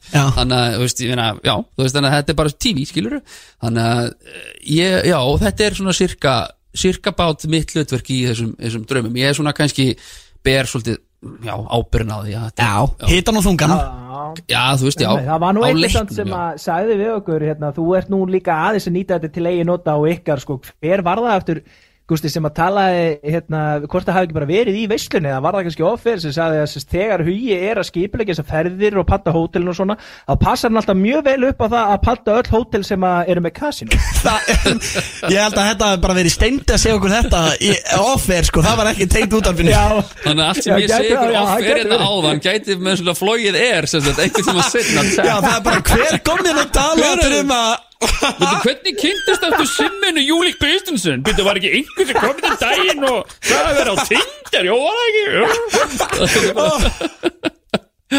Nei, það var ekki á Tinder en ég notaði það til þess að kofra mig en ok, en allavega já, þannig að ég, sem ég segi ykkur ofir er þess að fara bara eftir þrjárvíkur og það bara, að ég má ekki Já, þú heyrir það Já, já, já. En, en er þetta rétt? Getur þú staðfist þetta? Vist að Palli eitthvað sem er búin að opinbyrja þetta fyrir hlustendur hérna í benni? Uh, Er yfir eitt kasínó á hótelunum sem þið farað á? það, það stundum vill svo heppilega til að það er kasinu að kjallarunum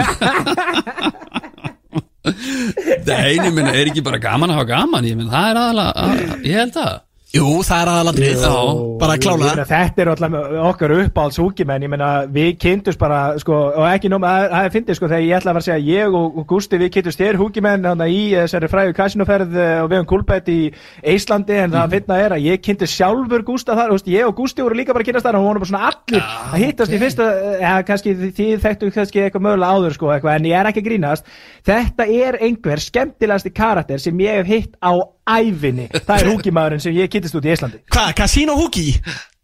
Já, já. Casino húki, húki, húki maður, húki maður maður er eitthvað svona heyrt þetta að það sé, það sé, ágætt svona, er hressandi að vera með mér í spilaviti þegar ég kom inn á bjór nummer þrjú fjögur Vá, þetta er, þetta er bara upplifun, ég er ekki grína, sko, bara fyrir fólk, þú veist, fyrir mér, þá hérna eftir að hafa upplifið þetta, þá, þá fatt að ég hefði ekki vilja fara sex fet undir í gröfina án þess að hafa kynst Casino Hookie sem að, þú veist, bara að horfa á þig í Já. Blackjack Mhm. ég, lá, ég hef held ég aldrei á æfinni hleyið jafn mikið, sko. Það er gaman Mm, og þú í varst á blaðsjá svakalegu rönni líka Ég fer alltaf á er- Já, já, ég meina Ah. Þetta er minn leikur, maður fer í blackjackinn og frusar svo í rúletina, þannig að maður kemur alltaf sléttur heim Kemur alltaf sléttur heim, já. Er, er það ekki? Jú, svona sirka sléttur allavega. Gústi, þú varst ekki sléttur. Já, ég, ég var svona plus mínus. Ég man ekki alveg hvernig það fór. En uh, við ætlum að henda í næsta lag. Hvernig borga í húsalegunum fokk? Nei, nei, nei, þetta er líð, þetta er líð Þetta var ekki svona slæmt. Það er enda kom fyrir mig einu sinni. Já, ég- ég hef ekki hugmyndu hvernig ég átt að borga legunar Varstu bara screwed? Nei, nei, þetta reddast, skilur En, en, Þú en var ertu bara í kasínu? kassinu Nei, þá var maður kannski Var maður kannski ekki alveg með miljón á mánuði, sko Back in the day, þá var maður svona Bína skrimta Já, og, og svona það var að koma einn mánu á mótinu sem maður var svona, herðu, þetta helvítis að fór hann að hundra kalli hvernig á ég að borga leiguna? Svo- það var, það var smá skita en maður lærir af því og maður er á betri stað í dag Já. út af því að maður Já, lær, já, lærði já. af því 100% Já, já, það er líka kannski bara út, út með miljón á mánuði, sko. Það Já, það er reynda með tölvöld meira en það, en allt í lagi. sko. Ú, herðu, byrju. Nei, ég- Það er greinlega ekki bara money sem, það er líka money húki með Það er ekkert verður en að vera eitthvað, "Á, hann var nú með miljón á mánu drullu flóttu gæði með miljón á mánu ég meina netan alltaf með hálfa miljón á sér, eða ekki? Jú, Já, ég veit það ekki. Þannig að þið getur rétt ímyndið eitthvað hvað hugið með á sér. Ég reyndar ekki, ég bara reyndar með iPhone með mér Nei, nei, þetta, er- þetta er 800 svona á mig, baby, ég kalla það Selfoss eins og uh, herra segir stundum, hann Já. er alveg 800 á sér Já, nei, þetta er, þetta er svona vonandi að fólk átti svo að þetta er bara grín Já, já, við erum bara Já. fýblast En uh, talandi um að þú hafur fattað upp á Post Malone Ég veit að Páll Orri, hann, uh, hann eðar í skinninu mm. Af því að hann langar Já. svo að setja á geggja Post Malone Palli, hvað er þetta? Þetta er nefnilega svolítið skemmtilegt sko, þegar um leið og uh, Húkimenn uh, fór að tala um að hann hafi fattað upp á uh, Post Malone á Íslandi og hafi verið að ata þessu hérna í kjartan alla hérna á sínum tíma. Þá uh, fór ég aðeins að hugsa, herru, já, ég man ekki eftir að við höfum verið að spila mikið Post Malone hérna í uh, veislunni sem er endar hálf skrítjóta, þetta er nú einn stærsta stjarnar í heimi og við höfum svona yfirleitt verið að reyna að finna einhverju lög sem eru ekki í spilanakerfinu á FM með artistónum til þess að svona aðeins að reyna að fara aðra leiðir hann að fólk get, þú sé ekki alltaf að hlusta á sömu tónlistina það er að hlusta hér uh, á FM 957 þá man ég eftir einu góðu lagi sem er frá svona cirka 2013-14 ég veit ekki hvort að þú hefur heyrt þetta húki menn sko en uh, ég held að þú myndi fíla þetta. Þetta er uh, sko lag sem að Post Malone featureaður á með 50 Cent sem heitir Ó. Tryna Fuck Me Over og ég var til að fá það. Ég er á FM 957 veistla með Gustaf B. húki menn uh, með okkur þetta og verið með okkur eftir stutastund 50 og Post Malone setja á takk Gusti Boom Jú, 50 Cent og Post Malone með ykkur hér á FN 957 Tryna fuck me over. Þeir eru að hlusta á veislunum með Gustaf B og Pelli. Með ykkur í stúdíónu er Hoogie Man Hinn eini sanni búið að vera þvílíkur heiður að fá þennan ágæta mann hérna í stúdíó til okkar. Jú, hlafastjórnandi, markastjóri, framleiðandi, grínisti Ég veit ekki hvað þessi maður, hvað titla hann ber ekki. En um, Eitt titill sem að uh, þú bæri líka með stolti, það eru þetta höfundur þessara frægra uh, kasinoferða blöðgengisins til bandaríkjana í Atlantic City. Já, Góðu punktur Já, Atlantic City Já, ég- A home away from home Away from home. Þú veist, Vegas fátækamannsins, ég meina við vorum að tala um Cassina á hann og þú er náttúrulega með eitthvað miklu meir en eh, eina kúla mánu þannig að þú hefur alveg efnaði að fara til Vegas. Hvernig byrjaði þetta fucking Atlantic City uh, kjaftaði? Já, sko, já, já, bara stutta útgáðan Við vorum í New York að taka upp og það hafði alltaf verið einhver svona smá draumur hjá okkur að vera á þannig að Trump Taj Mahal hótelinu sem er náttúrulega sorp hótel, náttúrulega langt frá því að vera besta hótel þarna. Og við rúlum bara niður til það, þetta er náttúrulega ekki nema þetta eru tveir tímar kannski, max. Uh, og gistum þarna eina nótt uh, þetta er 2006 eitthvað, 5-6 skiptir ekki öllu. Og við bara auðvitað, allir sem koma þarna náttúrulega uh, bara fallast í, í yfirlið yfir bara ást af borginni. Þetta er svo, þetta er svo gull falleg uh, borg. Sjávarborg Atlantic með City. sjávar sín og þannig er bara finnur svona feska lofti koma af hafgólunni og þetta er, þetta er alveg indislegt að koma þarna. Og menningin, menningin er algjörlega stórfenglega. Þetta er svona ein, það er lítil stjættaskipting, það er einhvað aðtunleysi ekki mikið. Og, og svona maturinn, matamenningin og þetta er bara, maður er einfallega bara, maður bara hugsa með sér, bara hvað ef að þetta er ekki himnaríki, þá vil ég ekki fara sko. Það er bara það, sko, þetta er algjörlega þetta er svo, það er einhver mikið rómantík við þetta Og hvað hva er þið búin að fara margar býtt ég ekki. Ekkert eðla margar allavega. Já, það er, eru öruglega orðnar veit, það er ekki, já, 20 nei, jú, nær það því. Hæ, Kannski eru þið búin að fara svona oft? Ég, ég kom með það nokkru sinnum eh, ekki með strákunum, ég kom með það tvisvar allavega ekki með strákunum, tók fjölskylduna einu Ekki var sinni. stóð bara einn? Nei, fór ekki. Ha, bústu með fjölskylduna eina til Atlantic City? Já, ég vildi bara svona sína svona að þarna sagt, nei við vorum í Philadelphia og hérna það er bara einhver klukkutíma á milli þannig að ég svona rúlaði þetta gerði dagsferð og síndi krökkunum og, og svo var ég með hald á smára, hann var þá held ég bara fjör ára og ég leiði honum að íta svona takkan í spilakassun ekki dæma, please. Og hérna bara, og þá ég eitthvað sem ég aldrei lendi áður þá kom bara einhver vörður og sagði bara uh, nei nei.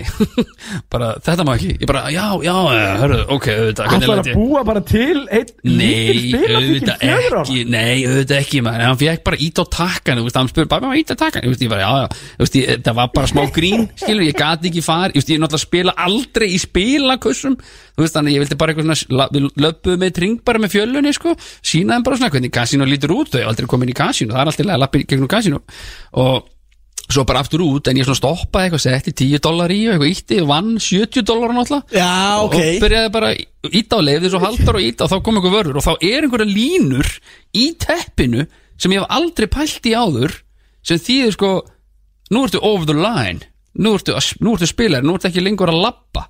Þannig ef að línan ef þú ert á bláa teppinu veist, ég, held þetta væri bara eitthvað munstur teppinu nú ertu bara over the line. Mátt ekki, og hérna með ekki börn vera hérna mátt ekki vera svona og hins einn en ef þú ert að labba hérna á þessum göngustíg hér ég bara, já, heyrðu, þetta er göngustígur bara 28 árum setna bara, hmm, ég skil. Þannig að, já Þannig að að þú tókst sonin yfir striki í Hann kasínói basically fóru við strikki, hann fekk bara ít og takk, kom hún hefði allir lift Það krakkar að segja mig það að þú hafi farið dags fjölskylduferði til Atlantic City með alla famíluna til þess að innan gæðslega sína þeim kasinóið í þessu hellhóli í Atlantic City bara svo þú gæti farið í blackjack og tapað öllu rúletunni dreams are real, kallið minn, dreams are real Ég maður þetta Nei, þetta var ekki þess, það var náttúrulega, þú veist, í Philadelphia var ekkit mjög mikið að gera fyrir börna, einhver dýragar eitthvað eins lengra en Atlantic City var allavega með þarna á terransinu eða þarna úti í- á bryggjunni hjá þeim, þá eru þeir með tífóli allavega yfir sumatíman þannig að það er alveg fullt í gangi hann sko. þetta er að lífi á sumrin sko. þetta er bara ekki vetrapleis og við höfum verið að fara þarna í februar og mars. Og þá kannski svona skiljanlega er bara aðeins kaldara minnum, minna frella en þú veist hvað, við gætum, við gætum verið á stöða fyrir að haft gaman, það skiptir yngu máli. Veist, þetta er bara, þetta er bara félagskapurinn. Bara gaman að fara og það fullt að gera í Atlantic City, það eru bátasýningar og, og það eru veist, innan hús hundarlaup og það er alls konar skemmtilegt og vá, ég, bara, ég, Já, já. ég get ekki beðið til að fara ekki til Atlantic City og og svona- innan hos hundar Já, við minnir að vera hundarlaup það var eitthvað svona, eitthvað, og svo er alls svona trukkasjó og fullt af skemmtilegst þetta. En hvernig byrjar þetta? Hvernig dettur mann í, hvernig vissuru hvað Atlantic City var? Já, það er sennilega Trump Taj Mahal hóteli Þetta fræga sem var í, var í Atlantic City wow. Þetta er basically þannig að Þegar ég fyrir í gufun í Atlantic City Og það er einhver hann sem er búin að búa þetta í 15-20 ár Þá veit ég meir en hann um Atlantic City Hann bara, já, ég flutti nú þetta bara fyrir 15 árum Já, ég veit, en ég man eftir þessu hóteli og þessu hóteli og, og svo kannski, en svo kannski tala um leifubýstur sem voru búin að vera þetta í 30 ár og þá er hann að tala um úst, rúturna séu hornar úst, alltaf rútur sem komur öllum hinu fylgjónum og fylgti öll kasinón nú er það bara búið út af online gambling. Já, það er náttúrulega orðið svo risastórt núna. Það er allir á netinu. fólk situr bara heima bara uh, berta neðan og reykja, mökka eina feita Það sem, spilar þú samt er svo fáralega sniðið með í þessu dæmi er að hérna, þú pantar alltaf bara þessar ferðir að með það sem að blöðstakundi tala alltaf um sko. það ágjörð enginn, þú bara pantar Yes. skilur þú segir bara, herru, við erum alltaf alltaf að sitja á þessum tíma, í svona marga daga þú ert búin að panta Yes. þetta og sem er náttúrulega ekstra sniðið við þetta líka er að þú færi náttúrulega að þú halar inn einhverjum æslandeir saga punktum við þetta því að þú borgar alltaf og getur farið með heila familíuna í frí á tenni fyrir alltaf þess að punkta fyrir sko. alltaf þess að kúlu sem þú ert að eyða fyrir alltaf Það strókari já, já, það er kannski ekki brjálaslega púntar sem koma að því, sko, þeir fá náttúrulega púnta, það er mikill miskilgu, þú fær púnta fyrir þann sem flýgur, hann fær púntana, sko, en, en veltu púntana kortinu, Ah. já, já, þetta- þetta er, þetta er einhver,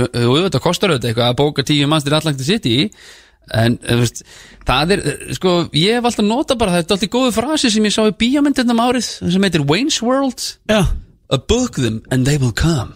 Já, já, þeir kom alltaf Bara, þeir koma bara, þú bókar það, bara koma þér, skilur, er þetta eitthvað flókið? Nei, bara bókar og mætir þú þarft ekki að gera neitt, ég er búin að sjá um allt Þetta er ógis, já, já, þetta er, þetta er bara svo út af því að hversu oft hefur maður verið með vinahómnu sínum bara, hörru svo, við þurfum að, við þurfum að gera þetta, við þurfum Já. að fara þangað, við, svo, við All þurfum að talk. að fara í ferð hérna og bla bla, þetta er all talk, það vantar alltaf einhvern húkinn Já. en einhvern einasta þetta sem bara bókar. bóka þetta bara, Já. Bó, bókaði bara golfferðin fyrir vinnina og senda svo bara bara, Já, þetta er, Hörru, þetta er, ekki, þetta er Erum við búin að fara 60, 63 skallar mann. Ok, áfrangak, flugahótel allt klárt. Í Alltaf húki, drulla kæs, sko, bara 64 skallar manni eru svo 20 og alltaf, sko.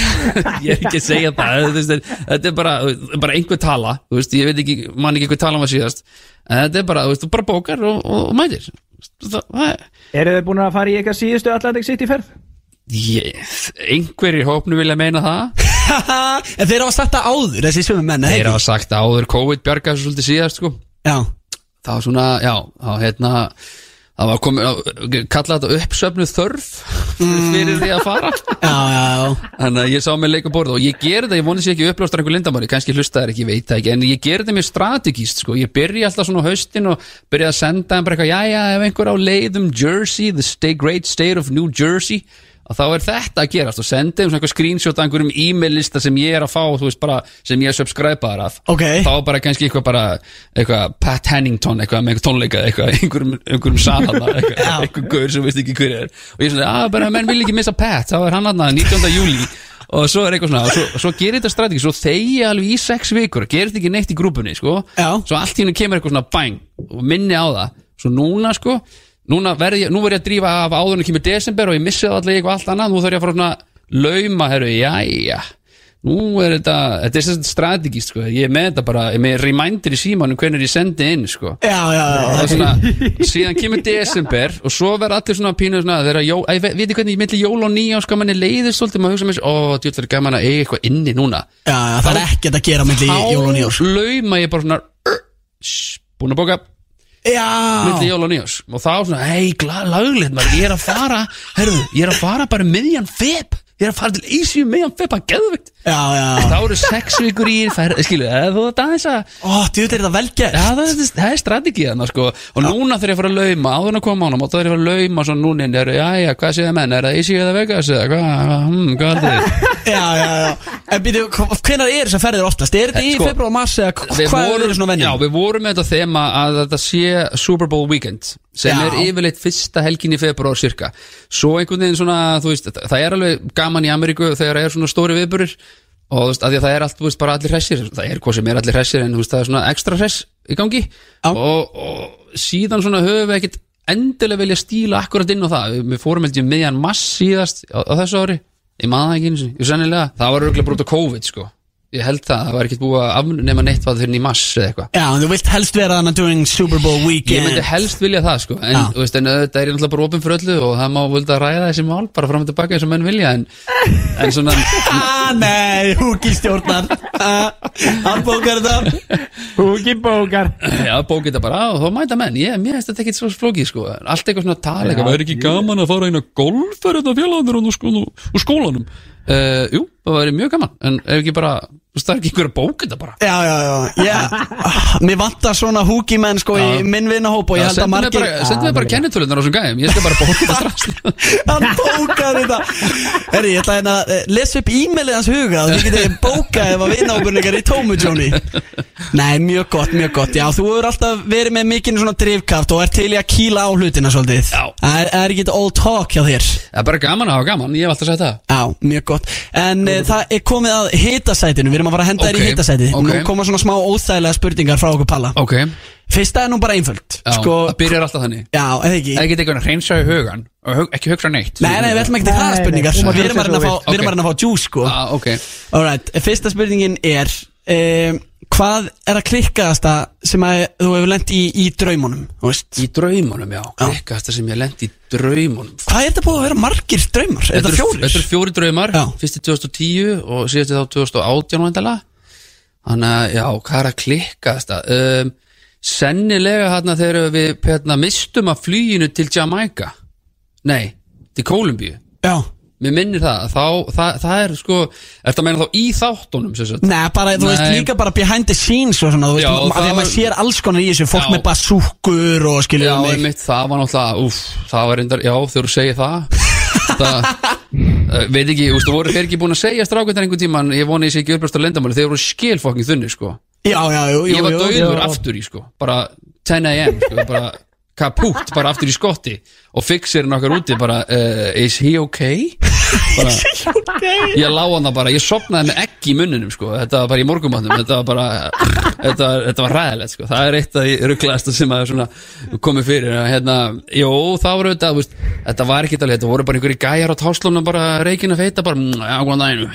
Skjóta baku svo, já, það er hérna aðeins til hæri, já, já, hörðu svo lágu bara einhverju rifflar og einhver skot bara, þú veist, þetta var svona pínu bara, herðu, enter at your own risk, sko. Þannig að það var svolítið gufurugla sko. Já. En jú, jú, og svo þetta þegar við mistum að hérna, vilinni til einmitt Kolumbíu að hérna þá, veist, þá lendu við í sko einhvern svona öryggisvarða dutta sko sem að ég bara ég, já, ég hef aldrei bölva mannskjöp mikið á ævinni sko Þetta var eitthvað svona stay in your line eitthvað, eru þú vant að standa í þinni línu og bara já, í stendina og svo bara, eru þið family? Nei, við erum ekki family, eru traveling together? Og ég bara, já, stay all together. Og ég bara, eitthvað, ég lít að ráða því eða ekki í hvaða línu ég fer. Og þú veist, við lendum í bífi við einhvern svona landamæra dutta Ah, og er við mistum af fluginu.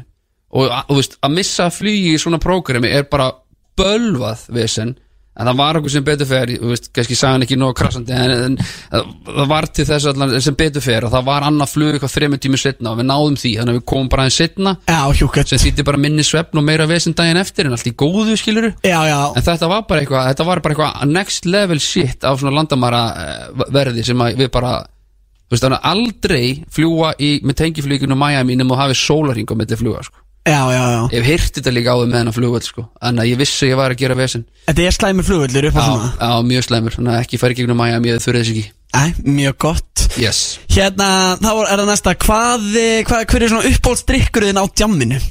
Úff, ég panta eiginlega undan teknikalöst screwdriver. Screwdriver. Já, ég fer bara í það. Vodka Orange Grazie mille. Ég fer bara þangað sko.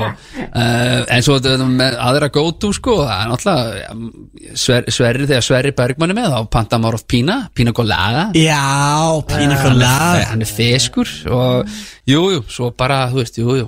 Ég er að geta nefnilega ekki dr- drukki Þetta, þetta orkuðu drykja sull sko. Nei, Get það ekki. Uh, það, fer, það fer ekki vel í, í hjartalókunar á, á, á manninum. Ok. Þannig að ég þarf að láta það vera sko en Ok. Það er loksins Ég búið að lærast hvað hérna ég, ég veit hvað upp á skoti þetta er, Hugi Hvað var það aftur?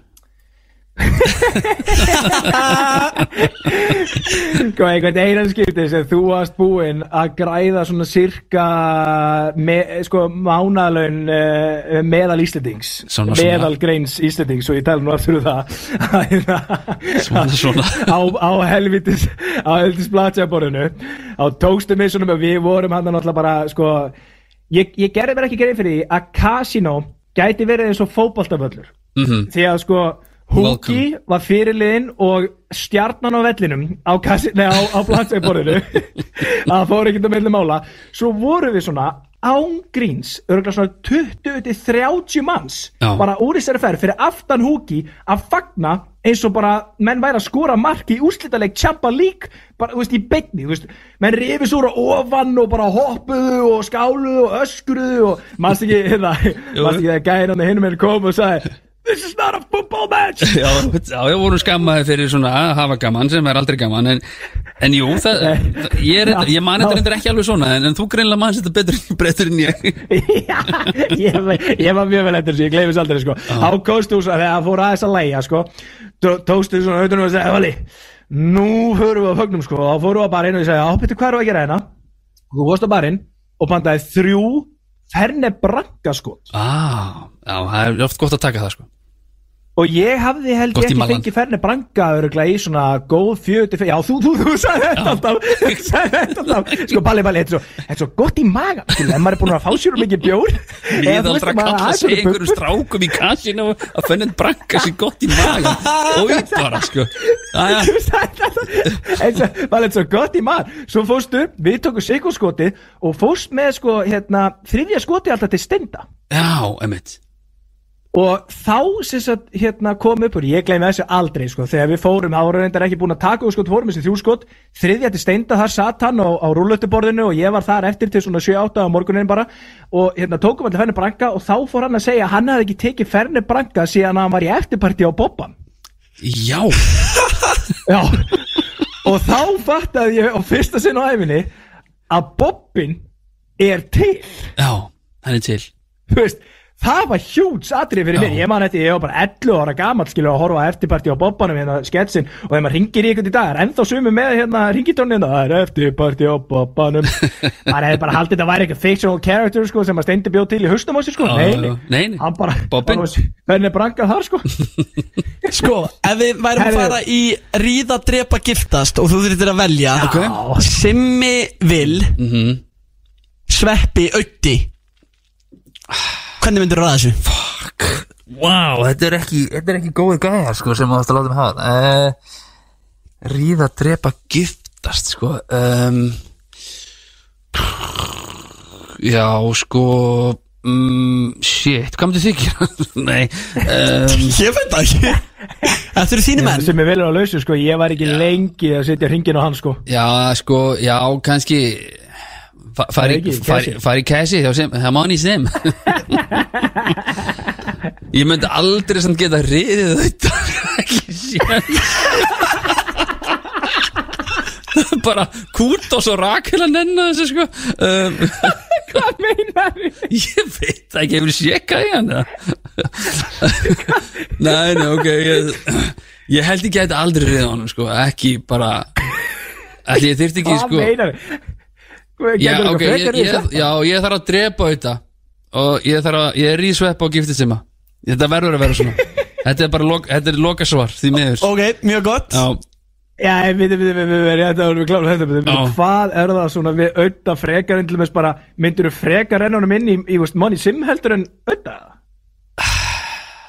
þegar þú segir það sko þá er þetta rosa fyrir fyrir sko. Ég, neð neð en sko, ég, já ég, Nei, já, það, jú, það er örgulega allt í lagi að ríða þetta, ég dreg þetta allt saman tilbaka. Það er, Jú, það er en veist, hvernig myndi ég, fattur, ég, ég var aldrei pælt í því, að ríða kallmann ég, það, hvernig, haga, það er náttúrulega, maður haga já, við getum bara næsta spurning Herru, síðan við þekkjum nú ekki alveg þína svona hjúskapastöðu í því. Við höfum nú yfirleitt verið með hérna, þessa spurningu sko, hérna vandrarlegasta date eða eitthvað í Já. þáttan Ertu búin að vera giftur maður mjög lengi? Já, ég er náttúrulega búin að vera með konun í 15, á- 16 ár 15-16 ár. Shit, þannig að þú ert manst. 65 ára þannig að þú hlýtur að vera að gera eitthvað mikið á undan því. Já, reyndar. Sko, vandralegt date uh, Já, bara fyrsta sem kemur upp í hugan sem er svona best að segja bara frá það var hérna hérna, ég fór í eitthvað á keilu með eitthvað, með einhverju stelpu fór í keilu með stelpu í öskjuliðinni sem að ég hafði bara kynst á MSN hún bara eitthvað DMaði mig á MSN fyrir þá sem mönum því. Já, og við bara hendum í keilu og ég bólaði 217 á þessu deiti. Ég bara like a pro. hvernig ég- nú ha, það er ekkert eðlilega gott. Það er ekkit, eh, ég hef aldrei bólað, bólað svona aftur. Ég var bara fella, fella, fella, fella, fella feikja, fella, fella, feikja bara svona, Þetta var eitthvað, ég man ekki 211 eða 217 Það var an, cirka bát Já. an, annarkvort þeim einn Og eitthvað svona Hún hefur verið miður sín stelpan. Njá, þú veist, já, ég, ég bara leðalt að segja man ekki hvað hún heitir En þetta var svona, þetta var bara veginn svona skrítið Svo bara skutlaði henni heim, minni mig Og bara, herru, takk Og svo bara, herrust held ég bara aldrei aftur. Ég bara bólaði mig út úr þessu sambandi, sko. Ok, ok, mjög gott. Ok. Já, Það er þetta vel hægt já Hvað eru með meira hann á Ég er náttúrulega ekki með skjali fyrir frá mig, Gusti Já, sko, næsta lítur að vera Hverju sérðu mest eftir Af öllu sem þú hefur gert? Já, þá í þessum atriðum hana Já, er það, eða þú veist, er það ekki svona sem kemur kannski fyrst upp í hugan? Jú, þú- jú, líklega sko uh, Mest eftir uh, að ég veit það ekki. Það er náttúrulega, þú veist, þetta að hafa farið farið í þessa gröfu atrið það er alltaf talað um það í, í, þegar uh, ég nefndur í sömu andrá sko ég sé, sé alveg eftir því sko að þetta er náttúrulega ekki eitthvað það er ekki brjálu fyrirmynd að gera þetta þú veist, fyrir börn eða, eða þú veist, yngra fólk ég meina, þú veist, bara ekki eins og láta ykkur dett í hug. Þannig að svona þetta var náttúrulega bara innan gæðsala bara eitthvað bensku brek þannig að ég myndi, ég maður að sjá ekki eftir því bara reynilega að svona að hafa gert það í runni sko. ég, meina, ég gerði þetta allt þannig að það er kannski erfitt að sjá eftir einhvað þessu, þetta var, þetta var allt svona frekar saklus kannski nema þetta, þetta var rummurlega hættulegt sko. Já, Það veist, ég menn eitthvað tegju í rassin og alveg handbóltalandsliði raskella sig og eitthvað svona. Þú veist, jú það blætti nú reyndar á rassinu en þú veist, það grær bara. Já. En það hef ég mist takið þessari gröfu á 60 km hraða eða hvað þetta var. Ég ætla bara flói bara yfir til hellu frá Þorlósöp bara og bara stingt drepist sko. en var mikið bakslag Var fólk á, á Facebook að rífa sig bara Hver djöfulinn er í gangi? Það að var, var það náttúrulega ekkert Facebook svona, fólk hundi bara ringja á, á skiptiborið á 365 Já, en í blaðinu var einhver að gera grein Já, byrju, var ekkert hægt að drulla yfir fólk á þessum Nei, tíma? það var ekki tækt Það gaf sér vel fyrir því Þegar þú var svona Já, já, það var bara, að það ringt sko. Og hérna, já, og, og svo fengum við einstaklega sinum að heyra bara eitthvað stráka, þetta náttúrulega gengur ekki sko. Eitthvað, hérna, fólk með srí muni þetta er Sri Ramavati sem þarna, það var einhver, einhver sem, það var kona sem að hvarf. Uh, Nei, ha, hvað nei, mitt, og við gerum skjálýsingu, er einhver starf fólk með srí vinsalega staðan samband við laurugluna Er það? já, já fólk með srí, þú veist, skilur sem, þú veist, að þetta gengi aldrei í dag. Þú fengi beint rautt í dag fyrir að gera þetta sko. Já, Já, en já, já, Já, þetta voru þessi tíma, sko, ein pæling hérna, nú, þetta vilja allir vita. Uh, Ok. höfuðpaurin í öllum þessum uh, kasinoferðum og, og hérna, kasino húki, húki, menn, hvað er það, hvað, hvað er sem sagt, um, hver er svo fjárhæð sem er sviðið mest að tapa í kasino fyrir húki á sínu kasinoferðli? Já, það er sko það er, það er tvent sem svíður sko það er annars vegar sko hérna hlutfalsleg, hlutfalslegu sviði var í fríða, fríkað úti í Amsterdam þegar ég tapaði 120 skalli veist, þá, Já, þegar þú átti kannski bara þú átti ég, ég átti 40 skall sko. Þú veist, ég, basically ég var að spila út á krít sko. Þannig að ég hérna, þur, já, það, það sveið mest. Ég ætla, ég ætla að fá að segja það þegar við vorum að byrja í þessu. Þá, það, það, það er að versta, það er mest í sviðin. En hver er hæsta fjárhæðin? ég veit ekki. Æ, Húki, eitthvað hætti sér, þegið þið, ég þú hef ekki alveg hugmynd um það. Er sko, þegar þetta orðið svona sirka mikið, skiluru þá hættur bara að telja þú veist, það ertu bara, er þetta orðið gott, þú fer bara að sofa. Ok, en pældi, það var, þú veist, hundra og eitthvað þúsund kall þegar þú áttir ekkert Mhm. Hefur þú tapað í einni ferð meira heldur en eða bara, me, me, meira heldur en millu Nei, aldrei tapa miljón Það sé það? Já, Í, yfir heila ferð? Absolutt, já. Ok, mjög gott, það er gott að heyra Því að annars myndum við þurfa að grípa inn í. Já, akkurat, nei, nei, nei, nei, þetta- er ekki- þetta er ekki vandamál, skiljið, ég kontróla þetta, ég, ég gamla ekki heima og mjög lítið á netinu, þú veist, maður er með kúrbetreikningin opið, skiljur, og maður er eitthvað að taka tipp á leikinu, auðvitað. þetta er ekki vandamál, þannig að- Nei, nei þú veist, ég myndi, ég myndi viðkynna það strax, sko. Ok, þannig að það var svona 500 til miljón sem á hefur tapaði mest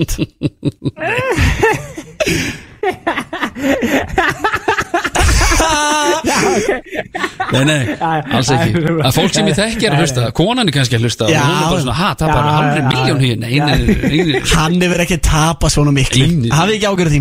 En uh, ef að, þetta er Herðu, í síðustu hérna- spurninguna. Pelli. Þú spyrir hvað ég vann spurningin, mikið, já, þú- út á skattinum? Já, auðvitað, ég get ekki spurt að því. Já, nei, við getum ekki spurt því. Við vitum að taxmenn er að hlusta. Hefur þú komið heim og kasinoferð í alveg svona alveg frekar góðum pluss? ég myndi segja það, já Ha, ok, hver er mesti pluss? Þú mátt segja það, konan var ekki það, það, þá kemur einhver og fer að leita það. Ríkiskatsjóri er endar harðasti aðdáðandi í veislunar sko. Já, já, þannig að það, hefur verið bara dágóð suma. Ekki life changing amount, skilur En bara milla. Nei, nei, Alveg, alveg, alveg góð mánaðalön hjá fólki, skilur eitthvað svona. Já. Alveg næstu milla.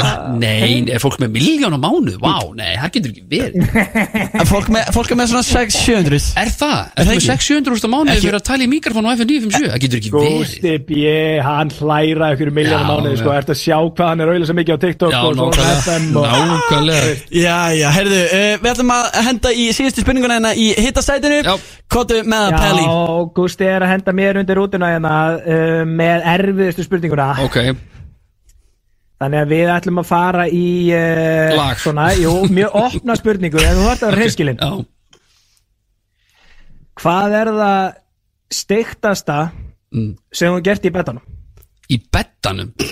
Já, þú veist, við erum að tala um einhverja hlutverkaleiki eða einhverja sagði Þú ert svona fjölbreyttur og Ég sagði ég, ég sagði við ykkur hérna ég hérna, væri frekar einfaldur og hérna væri svona frekar bara já, uh, þannig að það, það er það er ekkit krassandi sko. Ég hef aldrei farið í hlutverk, ég hef aldrei leikið fastegnarsal eins og Rikki G, sko, til dæmis. Veist, ég hef ekki verið með skjalatösku og gleru með engum gleri og bara, já, já, stimmi, ná, ætlum við að fara að skoða þess að íbúð hér.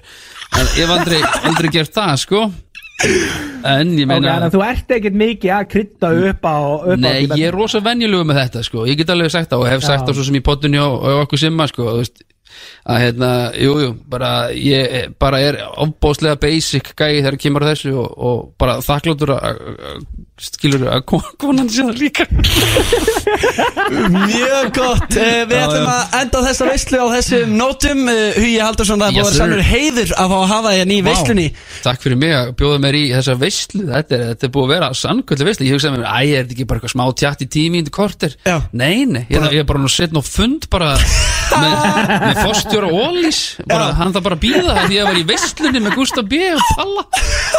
Þú voru að segja það þegar þú mætir. Já, ég var í veislunni strákar. Ég bara, ha, veislu? Miðaldra Í hvaða veislu varst þú? Já, hvað,